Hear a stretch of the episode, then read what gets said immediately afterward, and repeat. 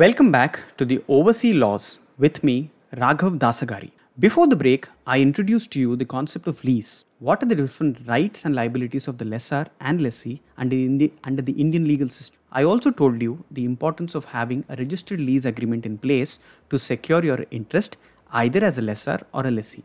Now, let me tell you the impact of COVID 19 on the leasing rights in India. As you know, that the India's COVID situation is turning grimmer by the day, with the country reporting more than 200,000 cases daily for the past several days now. As the country reels under the second wave of COVID 19, various state governments have already started announcing a slew of restrictions to curb public movement in order to bring the situation under control, including imposing night curfews in states like Rajasthan, Telangana, weekend curfews in Delhi, and other strict restrictions in Maharashtra, as you may, as you may all may know by now. Will there be another lockdown?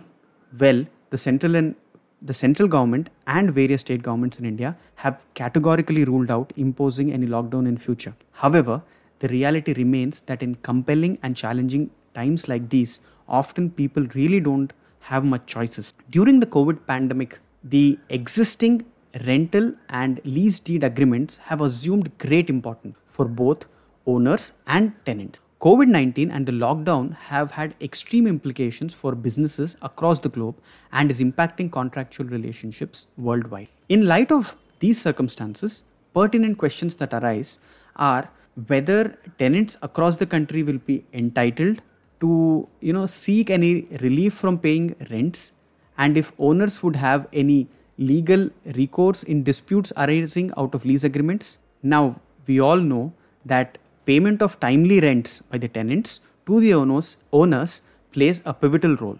As owners, you may have various compelling reasons to have your rents paid, paid in full and in time. It could be that your rents that are paid may be servicing your EMIs towards the loans that loans that you've already taken, or you or your immediate family members may be dependent on the income generated through rents. So, your reason could be anything. Disruption in payment of rent definitely has a big impact on your.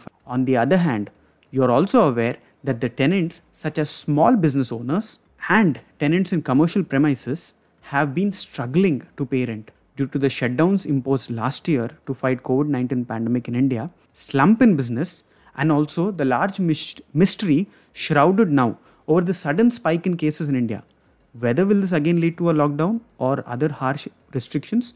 Well, only time would tell us all. So, in the past, during the spike of COVID 19 cases in 2020, several countries across the globe have brought in measures to protect tenants during the crisis. However, no relaxations have been provided in India to commercial tenants who cannot pay their rent. Let me tell you that last year, the Ministry of Home Affairs wired a memorandum uh, dated 29th March 2020 has uh, notified exercising powers under Disaster Management Act 2005, where it directed all state and union territory governments to take appropriate action and issue necessary orders to help the situation, like for waiver of rent specifically for the working class, maybe for a period of one month. However, let me tell you that the same was silent upon the suspension or waiver of rents for commercial leases are concerned. Now, in light of such directions passed by the central government, many state governments like the state of Maharashtra, Uttar Pradesh, Karnataka, Tamil Nadu,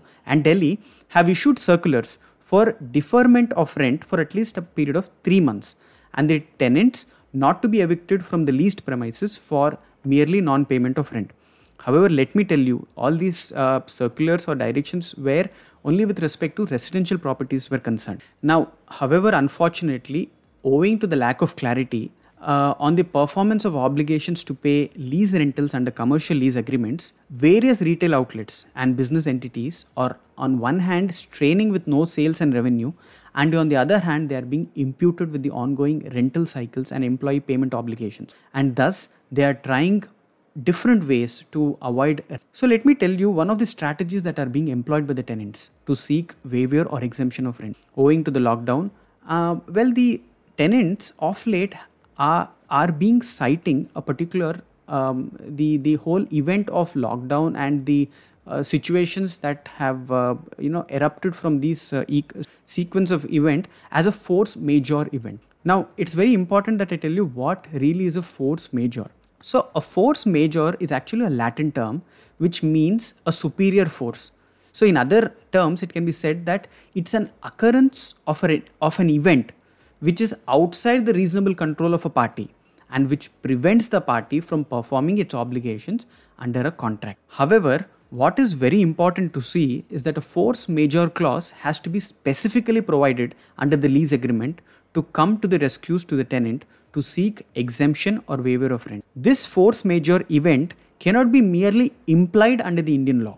Another impro- imp- important facet is that you ought to keep in mind that a force majeure event does not give a blanket profession, uh, protection in respect of non performance of an obligation under an agreement and doesn't absolve the liabilities completely. Thus, it can be reasonably concluded that a force majeure event would not totally and absolutely exonerate the tenant of his liabilities to pay the rent. But the same is merely used to defer the legal liability of the payment for a certain period of time. This force majeure has been interpreted in different scenarios differently by various courts in India. The interpretation of this force majeure clauses largely depends on the way how these clauses have been incorporated under the lease agreements. Only when there is an expressed force majeure clause present in the lease agreement do such clauses come to operation to afford some kind of a respite to the tenant. However, the force majeure clauses may not always be incorporated in a lease contract, unlike other commercial. In the absence of a force majeure clause in lease co- contracts, no relaxation in payment of rent, even during COVID 19 lockdown, can be granted to the lessee tenants. So, having said that, now let me tell you that uh, what are the measures taken by other countries in the world during COVID-19 pandemic? Well, the United States of America through the CARES Act, which is the Coronavirus Aid, Relief and Economic Security Act, has declared a 120 day moratorium during which the owners are prohibited from initiating eviction proceedings due to non payment of rent or charging rent fees penalties, or other charges. These protections are extended for a period of 120 days from the enactment, which is effective from 27th March 2020. Similarly, the Australian government has also waived rent payment obligations for small and medium enterprises and not for profit tenants within owned and leased premises across the country. Now, let us see what is the scenario in the United Kingdom. The uh, Coronavirus Act, Section 82 and 83, protects business tenancies in England, Wales, and Northern Ireland from la- the owner's right of re entry or forfeiture in case the tenants are unable to pay rent. So basically, a, ten, a, a, owner cannot initiate any legal action to evict such a tenant during such periods, and no courts can pass an order dispossessing such tenants under the law. So, having said that, you may ask me certain the, the, these relevant questions under the Indian scenario. Does the tenant have any automatic right for waiver of rents? Or you could ask me, the, does the tenant have any automatic right for reduction of rents? Well, my answer is no. But unless the registered lease agreement provides for any such condition, then the condition may come to the rescue of the tenant. You can also ask me, can the tenant occupy the property and refuse to pay rents on the ground of lockdown being imposed or the prevailing pandemic situation? Again, the answer is no. It is purely based on what are the specific terms and conditions that have been agreed under the registered lease agreements. That is going to really help you from the present crisis. Now, you can also ask me can the owner forcefully evict the tenants for non payment of rents on any other ground? Well, the answer is again a no. The owner can only seek to approach a court of law to seek eviction of the tenant from the premise. He cannot take any action on his own to evict the prop- evict the tenant forcefully from the uh, from the properties. Now, what are the possible solutions to a similar situation like this uh, in a tenant's perspective? Well, having seen the pandemic and the crisis and the challenges that have been thrown open, if you see the New Zealand experience, uh, you will see that there is a very beautifully drafted clause that has been included by the in the New Zealand uh, frame of things. They have a clause which uh, is in the nature of where uh, there is if the access to a property is uh, you know debarred due to any emergency you know reasons for uh, you know any, any emergency reasons then the uh, this particular co- clause actually comes to aid and rescue of the lessor and lessee now let me quickly tell you some of the primary advantages for having a clause of this nature. Firstly, the tenant is not forced to pay the full rent for the duration of the premises, remains inaccessible.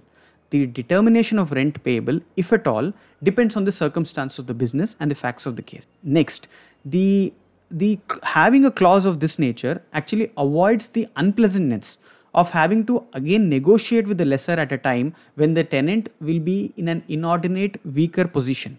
Thus, such a clause preempts a force majeure uh, circumstance and secures an equal bargaining power with the tenant for the tenant. Now, thirdly, the uh, this clause actually gives you a convenience and security to the lessor, uh, and it gives a sense of certainty. The lessor is also no longer obligated to negotiate at every step uh, for the force majeure event nor is the lessor obligated to enter into an additional agreement in order to secure the understanding of the parties. And lastly, the concept of fair rent makes it uh, possible for both parties to have a space to negotiate an understanding at a time of the occurrence of the event. Now, having said that, incorporation of a clause in the Indian lease agreements will provide much needed security to commercial tenants in the times of emergency and will help streamline the real estate sector, which would be a boon to both the lessor and the lessee and the industry as a whole. So, in these challenging times, as a professional, what suggestions that I can really offer to you is